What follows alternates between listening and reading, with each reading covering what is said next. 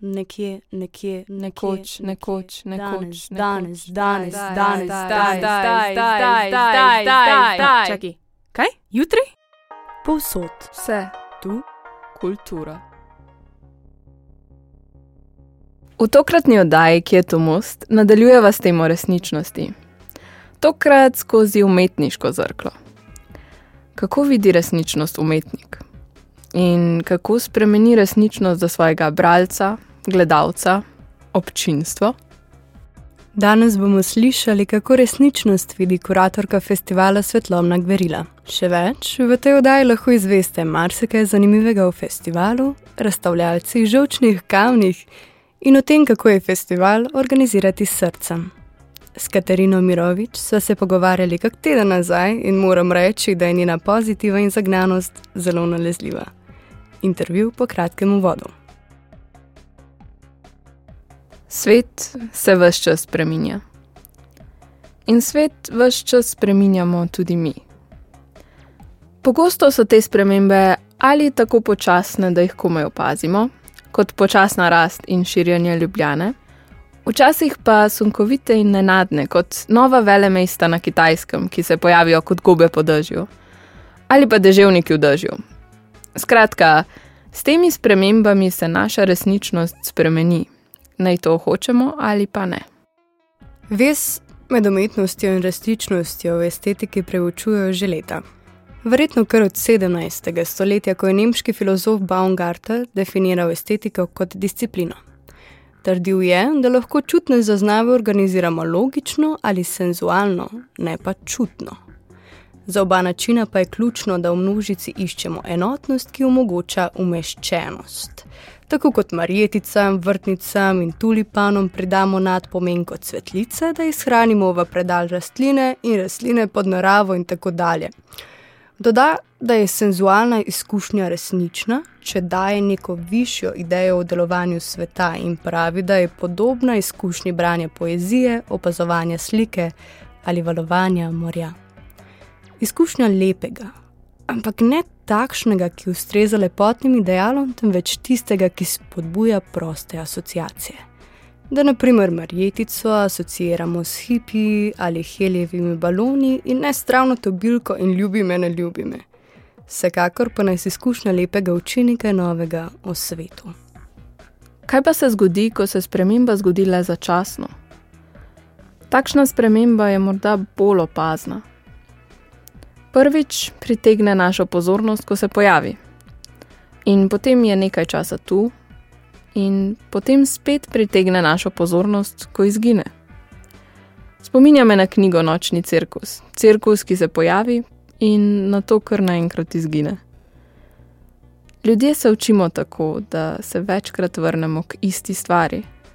Si morda za to začasno spremembo in to, kaj je prinesla, zato bolj zapomnimo. Vsekakor pa je dejstvo, da začasna sprememba začasno spremeni resničnost. Se te resničnosti zato bolj zavedamo, nas bolj prizemlji. Jaz mislim, da je vsaka sprememba začasna, ker kaj kmalo pride v navado in se neutralizira. Opažam, naprimer, kako se je moje življenje spremenilo zaradi drone. Na začetku me je med nošenjem maske vse tiščalo, zmanjkovalo mi je zraka, počutila sem se utesnjeno. Zdaj pa na momente nosim še na prostem, ko mi pa še malo več zasebnosti.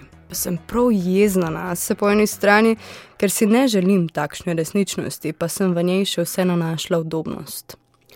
Navade so vedenja, ki ne zahtevajo zavednega delovanja možganov. Da neko vedenje postane avtomatično, da postane navada, pa ga moramo utrditi s ponavljanjem. Verjetno ste že kje prebrali, da je za utrditev navade potrebnih 21 dni. Nekateri trdijo, da 30, določeni pa 91. V resnici pa je po mnenju Briana Kinga, psihologa in nevrologa, vse odvisno od tega, kako nagrajujoče je določeno vedenje. Zauzeti jedci bombonov, naprimer, vemo, da se v njih skriva veselje. Na vzpostavitev navade pa naj bi pomembno vplivala tudi zahtevnost aktivnosti, ki si jo izberemo. Težko bi se navadila vstajanje ob treh zjutraj, se je to za me kar pretežka naloga. Hitro in lahko pa bi se navadila, da je mesto vsak dan polno svetlobnih inštalacij, ki spodbujajo proste asociacije in s tem prinašajo neko svoje vrstno zadovoljstvo. No, kot je Miša že omenila, je ena takih sprememb v resničnosti svetlobna gverila, ki bo začasno spremenila Ljubljano. In njihova tokratna tema, vprašate? Resničnost, seveda. А в нашого шома зелена я шоба, дівки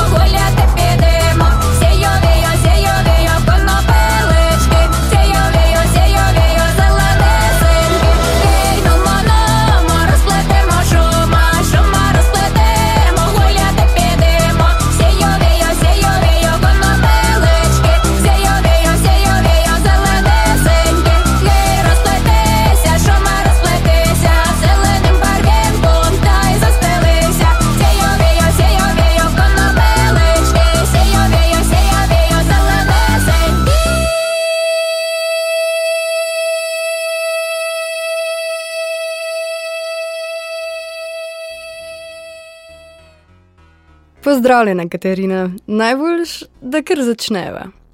Moje prvo vprašanje bi bilo, kaj je svetlobna gverila? Eh, Svetlobna gverila je serija dogodkov oziroma projektov na temo, eh, kateri glavni medij je svetloba. Gre seveda za umetniške projekte in večina teh projektov eh, je lociranih v, na prostem, v javnem prostoru, nekateri pa tudi v galerijah. Uh, namen, ja, uh, namen svetlobne gverile je v bistvu spodbujanje ustvarjalnosti v mediju svetlobe, uh, hkrati pa približevanje sodobne umetnosti širši publiki. Zato je tudi eden od razlogov za postavitev v naprostem, da je pač ta umetnost dostopna do vseh, tudi na ključnih obiskovalcev mesta. Eh, hkrati pa hočemo tudi upozoriti s tem, eh, s tem eh, da bi umetnik moral imeti bolj pomembno vlogo, kot jo ima v, v sooblikovanju javnega prostora. A je mogoče tudi zato v imenu prisotna beseda gverila, a ima mogoče kakšen drug namen? Gverile, drugače, svetlobno gverilo je bil v bistvu en uh, projekt japonskih osvetljevalcev, s katerim so oni izobraževali uh, splošno publiko in so imeli take gverilske res akcije. Povabili so ljudi in so naenkrat naredili eno svetlobno akcijo, ki je trajala deset minut in je bilo to to. Oni so pol ta izraz uh, opustili. Uh, in smo ga mi nekako posvojili, ne? uh, zato ker se v bistvu v dveh stvareh ujema. Tudi ta naša svetlobna gverila uh, ima uh, veli, tako večjo komponento, je tudi izobraževanje o, o svetlobni umetnosti, uh, hkrati pa tudi uh, je pa predvsem to, da. Da se v krajšem času, v roku enega meseca, uh, naselje v bistvu, oziroma zasede večjo mestno površino, javno površino. Ne. V bistvu smo kot neke vrste gverilci, podavci, ki pademo uh, na, v mesto, postavimo 30 instalacij in zginemo.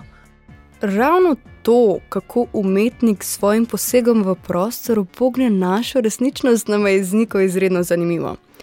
Kako pa si sploh prišla do ideje za svetlobno gverilo? Ja, uh, ta ideja je uh, v bistvu rezultat mojega prijateljstva z Aleksandrom Stratimirovičem. Uh, gre za srbsko-švedsko umetnico, kateri dela, dela sem jaz v bistvu hotela prikazati najprej v Ljubljani. Pa, pa je bila ona takrat še nekaj sramežljiva in se je odločila, da je predlagala, da bi raje organizirala festivalne. In sem rekla, ok, gledaj da je v probati in smo skupaj v bistvu ustanovili to svetlobno gverilo in smo tudi več let zelo intenzivno skupaj sodelovali in uh, ustvarjali program. Zdaj ona se bolj posveča uh, svojim umetniškim projektom, hkrati pa tudi sokurira festival v Skopju, uh, imela je par edicij festivala v Beogradu tako je, je aktivna na vseh teh področjih. In letos jo bomo spet lahko srečali tudi na festivalu Svetlobna Gorila z enim uh, od projektov Brilliance, uh, ki bo lociran v vrtu uh, ob Križevniški crkvi. Uh, da ne pozabim. Med katerimi datumi si pa lahko gledamo festival? Festival uh, traja od 24. maja do 19. junija. Uh, od zunaj na prostem so projekti v gledu vsak dan, od 21:30 do 23:30, uh, se pravi v večernih urah, ko je tema. V galerijah imate pa različen urnik. Uh, recimo, galerija v Žigalce je odprta od uh, torka do nedelje, medtem ko mala galerija je pa samo od torka do sobote.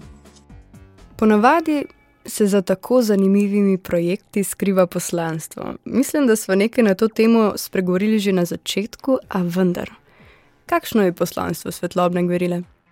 Hočemo izobraževati na tem področju, spodbujati uh, avtorje v ustvarjanju, uh, hočemo pre, predstaviti to, to umetnost uh, širši publiki, hkrati delamo tudi na tem, da Eh, predstavimo tudi naše avtorje v tujini. V zadnjih letih uh, smo imeli kar intenzivna gostovanja uh, z, z posameznimi projekti v tujini. Celo lansko leto, v času COVID-a, nam je ratelj pet projektov, pet projektov izvesti na tujih festivalih.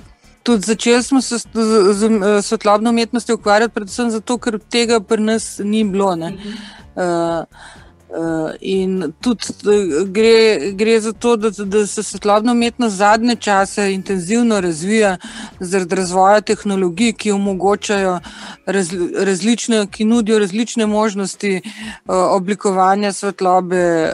Uh, Uporabe svetlobe v različne namene, ne, kar še pred kratkim ni bilo mogoče. Ne. Torej, sledite tehnološkemu napredku in dajete priložnost mladim, Mislim, da se pa radijo, ker vsi strinjamo, da je to izrednega pomena. Bi mi povedala kaj več o sodelovanju z nami, mladimi?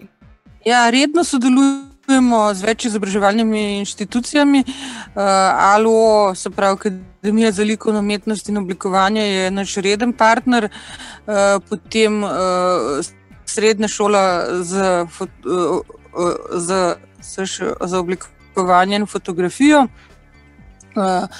NTF, oddelek za tekstil, oblikovanje obličil in tekstila. Oni so tudi redni partner fakultete za arhitekturo, ki letos malo počiva, bo pa drug let spet se nam pridružila. Tako da da imamo v bistvu kar stalna sodelovanja in z nekaterimi od avtorjev, ki smo jih spoznali uh, skozi ta proces, skozi ta naš laboratorij svetlobne gverile, pravimo, ne, uh, smo tudi že izvedli samostojne projekte, producirali njihove prve samostojne projekte. Ne.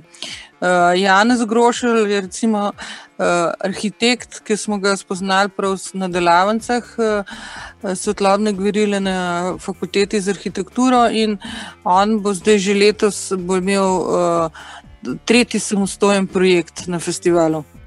Uh, laboratorij svetlobne gverile, so to kakšne delavnice ali kako? Ja, v bistvu gre za serijo delavnic, uh, različnih delavnic na že omenjenih inštitucijah, uh, potem smo pa tudi en uh, poseben sklop, ki je pa namenjen umetnikom. Uh, v bistvu gre za neke vrste polnomočenja umetnikov, vsako leto zberemo neko temo, neko te tehnologijo, uh, ki jim uh, predstavljajo večinoma domači avtori, ki so v tem vešči, recimo lansko leto ste imeli mapping in interakcijo z zvokom, uh, tandem Bim Team in uh, Alež Zupanc. Uh, letos imata uh, uh, črt Just in Žiga Pavlović, sta imela delavnico razširjene resničnosti.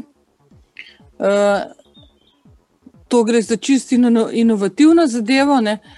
uh, ki, uh, tako da vsak let probujemo najti neki, neko stvar, s katerimi. Ki, Ki bi bila zanimiva za umetnike, in ki se pač sami bi malo teže lotili, in jih, poč, in jih želimo pripeljati do nekega rezultata. Torej se letošnji razvijalci z upodabljanjem ali upogibanjem resničnosti ukvarjajo že kar nekaj časa. Pa če smo že pri letošnji temi festivala, zakaj ste si izbrali ravno resničnost in kako ta dela prikazujejo resničnost? Uh, resničnost je, je zelo zanimiva tema za svetlobo. Uh, uh, zato, ker svetloba uh, zelo vpliva na percepcijo stvari okrog nas. Uh, tako da mi smo izhajali iz, iz tega, predvsem, da se da svetlobo narediti veliko stvari uh, na različne načine, hkrati nas je pa tudi zanimala tudi ta družbena komponenta, ne, uh, kako ta sedanja resničnost vpliva na nas. Uh -huh.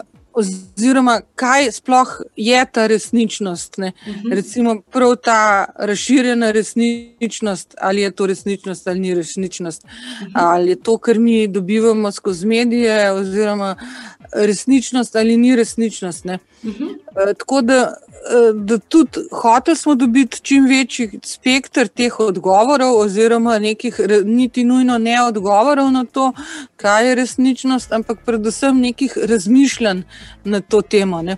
Uh, in to nam je tudi nekako, mislim, da, da smo uspeli ustvariti nek tak zelo raznolik uh, program, ki se na različne načine loteva te resničnosti. Uh -huh. Tako da bi lahko skoraj da rekli, da obstaja toliko resničnosti, kot je posameznikov. Pa da se to tudi kaže skozi razstavo. Ne? Ja, Mm. lahko bi temu rekel, ja. Mm. Eh, da vsak, vsak, eh, da, eh, vsak vid lahko resničnost nas, eh, na, po svoje, ne, glede z katerega zornega kota Mhm. to gleda ne, in kako se ga dotika. Dejstvo je, da resnica je pač uh, objektivna interpretacija dejstev, ne, uh, da resničnost je pa za vsakega posameznika lahko zelo subjektivna zadeva. Ne. Veš, ravno v tej razliki smo se z Niko pogovarjali v prejšnji oddaji. Zanimivo je, kako si različno predstavljamo tako vez, kot razliko med resničnostjo in resnico. Če tudi izgleda še tako mehna, pa da ne zaidem predaleč. Kako izbirate razstavljalce? Eh, Neki pač, č- neki de, del procesa gre čez te delavnice, kjer se lahko pač, ali, ali bodi si eh, študenti ali dijaki posameznih eh, eh, inštitucij prijavijo, recimo za ta laboratorij svetlobne gverile. Ki eh, je bil namenjen umetnikom, je bil, pač, je bil razpis, in so se prijavili, in so mogli pač priložiti uh, tudi svoj CV, tako da smo videli, da ne gre za neke za neke komercialne zadeve, ampak da so res to neki ustvarjalci, uh, uh, ki jim to izobraževanje pride prav ne, v njihovem nadaljem umetniškem razvoju. Uh, drugač pa z Markom Vivodo, ki je moj sokurator zadnje dve leti.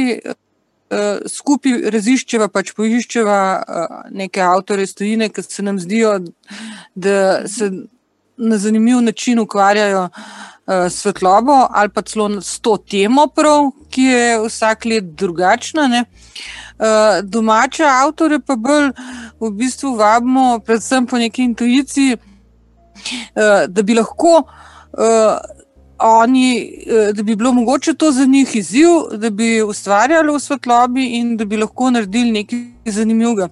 Ker namreč pri nas je zelo malo avtorjev, za katere lahko rečeš, da so svetlobni ustvarjalci. Ne.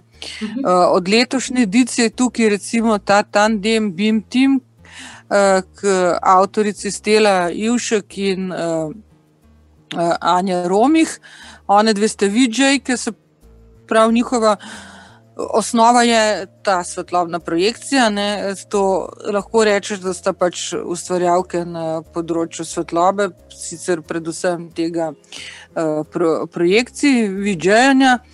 Uh, Medtem, recimo za, uh, za Tilna Sepiča, bi lahko še to rekel, da je to eden od njegovih uh, glavnih uh, zanimanj, čeprav ustvarja tudi projekte, ki ni ki niso nujno povezani s svetlobo, ampak večinoma dela na tem področju.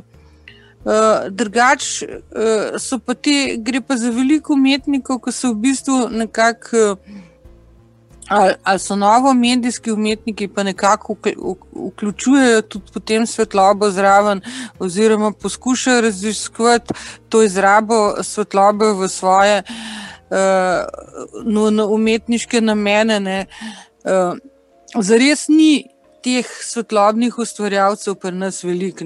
Tako da v bistvu na ta način mi iščemo avtorje in damo pač to uh, uh, spodbudo. In, uh, in upamo, da in potem skupaj velikokrat razvijamo uh, projekt. Zato, ker je pri tej svetlobi namreč fulj pomembno raziskovanje in testiranje. Da si, da si ti prej uh, vsa ta različna svetila, različne te možnosti raziščeš in, in testiraš tudi uh, velike. Tudi eksperiment, v bistvu eksperiment je en pomemben del pri tem, ker svetloba drugače deluje, ta zakonitosti svetlobe so drugačne kot uh, recimo pri mešanju barov. In da ti to res dojameš, moraš imeti kar nekaj prakse ali pa zelo veliko razumevanja tega. Ne. Uh, tako da mi skozi, skozi ta proces tudi uh, damo možnost avtorjem uporabe različnih uh, teh svetil, recimo, in potem z njimi skupaj nekako raziskujemo, kaj je najboljše v njihovem primeru. Potem so tukaj še ta problematika, da je, velik, da je večina projektov zunaj. Kar pomeni, da morajo biti projekti waterproof, eh, heatproof, wendelproof. Ne. V bistvu je veliko velik eh, posebnosti, ki jih zahteva razstavljanje na prostem. eh, In je veli, zato tudi veliko bolj zahtevno, kot je razstavljanje v, v galeriji. Zato moramo biti v bistvu cel ta postopek zraven, da skupaj uh, iščemo pravilne rešitve. Glede na to, da je med razstavljalci tudi kakšen tuj umetnik in so korona časi, kako vam je uspelo vse skupaj organizirati? A ste se znašli pred kakšnim večjim izzivom? Mi smo v bistvu ene, imeli v mislih še ena, dva tuja umetnika, so, oziroma en par, pa še enega posebej umetnika, ki smo hoteli, da bi sodelovali, pa smo se potem odločili, da raj ne bomo, ker ne vemo, kakšne bodo posledice. In lansko leto smo imeli tudi tuje avtorje uh, na festivalu, ampak smo sami njihove projekte postavljali. In to je. To lahko narediš, če imaš dva taka projekta, ne pa če jih imaš eh, deset. Ne. Tako da letos so, uh, imamo v bistvu tri tuje avtorje, ki sodelujejo, s tem, da eden od njih žal ne bo pr prišel, ker bi mogel pol preživeti vem, še pet dni v karanteni in mu je malo to uh, preveč. Uh, Malo se je tudi ustrašil, se mi zdi, tega testiranja in vsega skupine. Uh, je pa recimo zaradi te raznolikosti uh, teh ukrepov, ne, je pa to zelo problematično. Imeli smo recimo Robert Sohacki, ki bo razstavljal v galeriji Žigalica. On je uh, profesor tudi, zato je bil že dvakrat cepljen, ampak jim, bo, jim smo rekli, da je super, z njim ne bo nobenih problemov. Zdaj se je pa izkazalo, da ker leti čez Frankfurt, bo mogel narediti vse en test, zato ker na frankfurtskem letališču, ne glede na to, da ti samo presedeš, zahtevajo od tebe negativen test, tudi če si cepljen. Tako da je v bistvu ta, če bi bil nek poenoten sistem, bi bilo to seveda veliko lažje. In ta korona prinaša samo komplikacije in uh, dodatne stroške. Ne. Tako da, ja, upamo, da bo čim prej tega konca. Če malo pri sebi pomislim o tem, kako zelo je spremenila naša življenja, sem skoraj prepričana, da je tudi kakšen projekt koronsko navdahnjen. Že omenjeni Janez Grošelj uh, je naredil projekt, ki se imenuje Zezeni.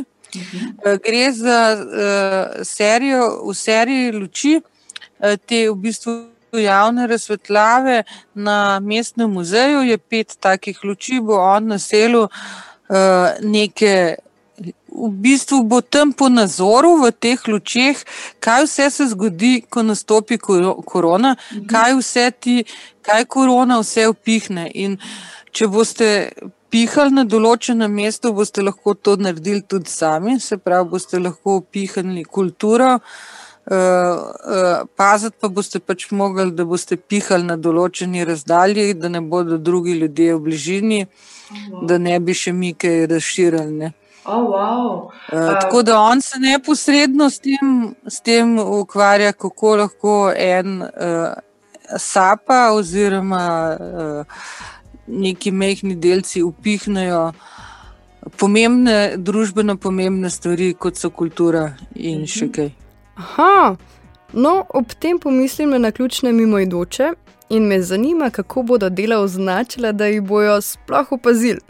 A bo naprimer pri tem plamenčku kakšno navodilo ali kako? Tam, kjer bo ta senzor, v katerega boš ti pihal, bo tudi en tak znak, oziroma to bo nek tak 30 cm velik krog, na katerem bo tudi narisan, da ti pihneš, in mislim, da bo vsakmu jasno iz te risbe, da je treba pihati. Tudi mislim, da bo poz- poziv, upihnite. Uh, tako da mislim, da se bo dalo raz, razbrati. Pa tudi na tem smo naredili smo mapico vseh projektov, ne, zato ker je lokacije, mislim, da skoraj 30 lokacij. In smo naredili poseben načrtek, eh, ki je in v tem našem letaku, in natisnjen, in tudi v programski knjižici, ki bo na voljo v galeriji Žigalca. Eh, Hkrati je tudi na internetu, na Google Mapsih. Eh, tako da bo lahko vsak sledil tem točkam in najdu uh, najdu, uh, poskrbeli bomo pa, da ali bo, ali bo pač stvar. Tle bo neka majhna lučka, ki bo ta senzor označevala, tako da boste najdel ga lahko, ali pa bomo recimo v bližini projektov to javno razsvetljavo, bodi si ugasnili, bodi si uh, uh, obarvali modro, tako da se bo tudi nekako po, po tej logiki dal poiskati stvari. Ampak mislim, da je da unamapca, da z unamapca boste lahko vse najdel. Ker grem ponavadi rada po poti razstave z ustvarjalcem, da bolje dojamem bistvo, me zanima, če organizirate tudi kakšne vodene oglede in kdaj so. To, vsak četrtek in soboto so pa vodstva z, uh, s kolesom. Uh -huh, uh -huh. Tako da uh, zbor je pred galerijo Žigalca ob 21. Uh, bomo pa naslednji teden obveščali o tem, kako ta vodstva potekajo, če bojo še vedno omejitve do deset, bomo mogli zbirati prijave, verjetno. Ne. Eh, če pa bo možno imeti več udeležencev, pa pa teh prijav ne bo. Ne. O, super, se že veselim. Če prav razumem, je večina projektov razstavljenih zunaj, nekaj pa tudi v galeriji Užigalica, če sem prav razumela, so razstavljeni še kje. Galerija Užigalica so kar trije projekti. Uh -huh. uh, uh, že omenjenih BIM Team, Aleša Zupanca in Črta Trkmana. Oni imajo skupaj en projekt mreža, uh, gre za tak sodoben interaktiven projekt. V katerem pač udeleženci povzročajo določene spremembe resničnosti. Polje Alessandro Lupi, to je ta uh, italijanski umetnik, ki živi v Berlinu, uh, ki ga žal ne bo, ampak bo ima pa zelo zanimivo, ne, v bistvu nekako njegovo srčika, njegovega ustvarjanja, pač res poigravanje s to. Uh, uh, Resničnostjo, oziroma vplivom svetlobe na, na resničnost, zato se nam je zdelo nujno, da sodeluje pri tej ediciji. Uh, drugače, Alessandro Lupi je bil že ne trikrat uh, na našem festivalu in se vsakič veselimo, ko zopet pride. Ma pa tudi stalno postavitev, on je naredil namreč uh, kip uh, uh, uh, Trubarja. Ki je uh, postavljen v Trubarjevi hiši literature, gre za tako svetlobno skulpturo, ki se vrti, uh, v bistvu pa gre za kip prav Trubarja, celega. Uh, fina zadeva. Eh, potem tretji avtor v, v Žigalci je Robert Sohacki, to je že ta omenjeni tudi polski avtor, ki se bo poigraval z resničnostjo, eh, s, s projekcijami in z uporabo eh, posebnih svetil. Potem drugo, drugi prostor in tudi hkrati zadnji galerijski prostor, pa je mala galerija Banke Slovenije. Tam pa bo Tilen Sepič uh, postavil projekt uh, Kozmični dež. Gre v bistvu za serijo lovilcev, miomov, takih majhnih uh, kozmičnih delcev. In ko, bo, ko bodo ti detektori ujeli ta miom, uh, bo sprožil, bo ta, se bo sprožila svetloba in zvok. Tako da gre za komunikacijo z vesoljem. Ena še notranja, ki pa ni galerija, zato nisem ta prvi pomislila na not, je pa bivše, uh, bivše krojaštvo Žika.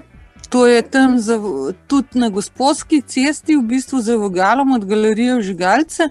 Tam bo pa imela Urša Rehne, študentka iz Akademije za likovno umetnost in oblikovanje, bo imela en svoj projekt, ki pa ga boš gledal od zunaj, se pravi, bo v bistvu tako v izložbi nekako ta projekt. Oh, oh, oh, oh ful zanimivo. Vse bom šla pogledat, ampak ta se pa res sliši kot nekaj posebnega. No, verjetno tudi vidi. Kaj pa bo s kozmičnim dežjem, ko se festival zaključi in z ostalimi projekti, seveda? Tako da neki projekte pač mi hranimo v našem skladišču, nekatere projekte hranijo avtori, uh mhm. -huh. nekatere projekte se pa celo reciklira. Recimo Natan, Natanesku, on je eden od teh avtorjev, ki neskončnost reciklira svoje projekte. Tako da tudi ta, te zdaj paraziti, ki jih je naredil, uh, so tudi na, že, je že uporabil nekatere elemente iz prejšnjih projektov. Med brskanjem sem zasledila, da si dela prejšnjih let lahko gledamo na internetu. Vsak let posnamemo en tak mini video, uh, mislim, dokumentarni video.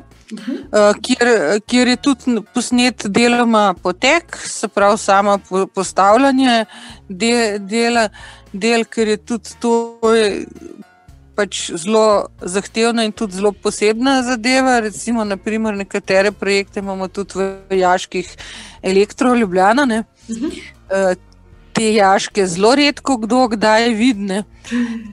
Je, zanimivo pogled, kako to, to skleda. Del, večji del pa je namenjen, seveda, samim projektom, predstavitev, kako projekt na koncu gleda. Tudi potem včasih pripravimo tudi za te uh, projekte, ki mislimo, da bi lahko jih tudi predstavili v, na drugih dogodkih, pa pripravimo tudi take uh, posebne predstavitve, kratke video, uh, ki pa so bolj dostopni uh, pol, uh, festivalom in organizatorjem, predvsem. Mogoče malo bolj osebno vprašanje, ampak si od nekdaj kuratorka, a si kdaj tudi sama razstavljala? Eh, ne boš verjela, ampak enkrat sem celo razstavljala, sem imela samostojno razstavo. Oh, wow. In eh, to je bilo še v času, ko je kapelca, galerija kapelca bila bolj, se je bolj osredotočila na body art. Uh -huh. Tam sem jaz razstavljala svoj žočni kamen. Okay. To je bil edini uh, pis na razstavi. Uh, naslovljena je bila pa kulturna uh, politika, vijaz umetnost, ker še vedno Mislim, da je ta žočni kamen, moj žočni kamen, bil rezultat ta, takratne po, kulturne politike. A? Uh -huh, uh -huh. V mladini so zapisali, da je, gre za vid tedna. ne, fulano, tako da uh, no, je to kuratorica, kuratorica, producentka, pa urednica. Veš, z veseljem bi šla pogledat tvoj žočni kamen. No, se veš, kaj mislim. Kulturna politika pa tudi v teh časih ni najboljša, zato srčno upam, da ni še kdo dobil žočnih kamnov zaradi nje. Kakšno pa sploh je delo kuratorja in kakšna je razlika z delom kustosa? Čas je bil samo kustos. Uh -huh. uh, pred ne vem kolikimi leti si začel uporabljati izraz kurator za te, ki se ukvarjamo s sodobno umetnostjo, medtem ko so kustosi bolj te, eh, ki delujejo v muzejih. Mhm. Da jaz kot kuratorica se ukvarjam v bistvu uh, s kuriranjem razstav. To pomeni, da si recimo koncipiram razstavo, če gre za skupinsko razstavo, si zamislim rdečo, neko rdečo nit, neko temo, k njej povabim, izberem avtorje, s katerimi bi rada v tem primeru sodelovala. In potem z njimi uh, razvijamo skupaj projekte, nekako. Uh, Včasih bolj, včasih imajo že oni to izdelano, da, da ti praktično ni treba nič, uh, nič premljevati. Sploh. Včasih pa skupaj razmišljaš o tem, kaj bi lahko naredil, seveda, glavna beseda imajo tako umetniki. Uh, uh, potem, ko, potem pa še tudi v bistvu preza, prezamemo tukaj tudi večinoma tudi še producentsko vlogo, ne? da pač poskrbimo za to, da umetnik ima na voljo vse materijale, ki jih rabi, da ima sredstva, uh, da ima tudi prostor, recimo. Uh, to je pa ta bolj producentski pol vidikne. Pa še glede na lokacijo, mogoče si jo zbere avtor sam, a to vi določite. Kupi z avtorjem ti tudi nekako. Uh, poiščeš lokacijo. Ne? To ni tako, da se to kar samo zgodi. Uh, ali pa da jaz včasih včas sicer gremo na to, da mi uh, lokacijo določimo avtorju. Ne? Rečemo, da bi ti lahko kaj naredil, klele, pa on pove, a bi ali ne bi. Uh, ali pa izhajamo iz tega, da ima on neko idejo, ali pa da je že projekt realiziran, recimo v primeru tujih avtorjev, ki večinoma pridejo z realiziranimi projekti. Mi poiščemo prostor, ki mislimo, da bi še podaril to njihovo temo. oziroma uh, pri teh projektih, ki pa nastajajo, pa skupaj debatiramo o tem, kje bi lahko bilo, kaj bi lahko bilo, uh, in pa poiščemo. Tako da tudi ta, to je ta osebinski del, ne, recimo. Ne, uh, Potem je pa pač ta del realizacije, ki je pa bolj producentski, uh, je pa pač to, kako to izpeljati, kje dobiti, kaj dobiti, kaj naročiti, uh, kdo bo to naredil, koliko to stane, te stvari. Ne. Zdi se mi, da je vaš projekt tako poseben, prav zato, ker povezuje svetlobno umetnost, ki v Sloveniji ni ravno razširjena, in izobraževanje mladih. Povezava pa je trdna prav zato, ker jo ohranjate in ker festival organizirate s srcem. Je še kje v Evropi kaj podobnega? Smo low budget, pa mi smo umetnost. ne. Tisti, Mhm. pa, te, te drugi, te večji festivali v, po Evropi so pa vezani na, eh, na turizem. Mhm, mhm. Uh, gre in tudi to, in dobijo tudi veliko sredstev od mesta, prav ker gre za promocijo mesta. In to so budžeti, ki grejo do 4 milijone, pa polno. Še zadnje vprašanje, ki se navezuje na zapis na vaši spletni strani. Zapisali ste, kaj je sploh še resničnost, kaj pa zgolj manipulacija oziroma propaganda. Bi mi lahko odgovorila na to vprašanje? Gre sicer za retorično vprašanje, ne? uh, ampak uh, ja, to, je, to je vprašanje, ki je zdaj zelo aktualno zaradi več stvari, ker pač imamo, uh, imamo digitalni svet. Uh, imamo tudi to navidezno resničnost, smo že ugotovili, oziroma razširjeno resničnost, kaj zdaj tu, tukaj resničnostnega sploh ne. Uh, imamo pa tudi to manipulacijo, ki jo, uh, uh, ki jo, pre, ki jo v našem primeru predstavlja naša vlada, ki manipulira s, z nekimi dejstvi oziroma nekimi uh, neka uh, dejstva. Napačno interpretira in predstavlja napačno javnosti. Ne. Potem imamo na drugi strani propagando, ki jo Mhm. pač predstavljajo recimo velike kapitalistične združbe, ki, ki t- ne, uh, neumorno trdijo, da ne vplivajo na okolje, da njihova dejavnost ne vpliva uh, na eh, na spreminjanje okolja, na podnebne spremembe, medtem ko je vsem jasno, da se to dogaja, in, in je tudi očividno, ne, če pač vode zmanjka, je pač eh, se nekaj zgodil, je nekdo na to vplival. Ne. Uh, tako da, da ta, ma, uh, ta resničnost uh, in ta, ta manipulacija v bistvu je zelo težko dognati, kaj je zares to, kar, kar je resnično. Ne. Intervju so izvedli kak teden nazaj, se malo nasmejali, izvedela sem ogromno novih stvari in začutila pristnost, s katero je prežet celoten festival. Katarina, zato se ti iz srca zahvaljujem. Dragi poslušalci, da slučajno ne pozabite. Festival traja od 24. maja do 19. junija.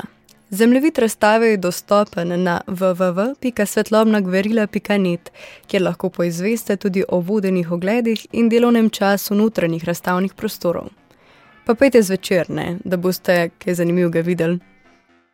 Resničnost aktivno in pasivno spreminjamo vsak dan. S projekti, pogovori, odnosi, celo s koraki pustimo odtise na tleh. Ali pa tam pustimo kakšno celico ali atom, tudi če je beton. Celo naše dojemanje resničnosti jo lahko spremeni. Pa ne zato, ker bi jo drugače videli, temveč zato, ker se z našo notranjostjo spremeni tudi zunanji odnos. Umetnost je ena tistih zavestnih sprememb resničnosti, ki nas pogosto naredi bolj pozorne, ker izstopa. In s tem, ko postanemo pozorni na to umetnost, morda lahko postanemo bolj pozorni tudi na svet okoli nje. Danes se poslavljava brez nagradnega vprašanja, brez nagrade in se zahvaljujeva prvič Katarini. Katarina, še enkrat hvala za pogovor. Roku, ki je vse skupaj spesnil, In seveda miši. Ter Niki. Hvala, da ste naj poslušali. Rok pravi, da moram reči adijo. Ja, adijo.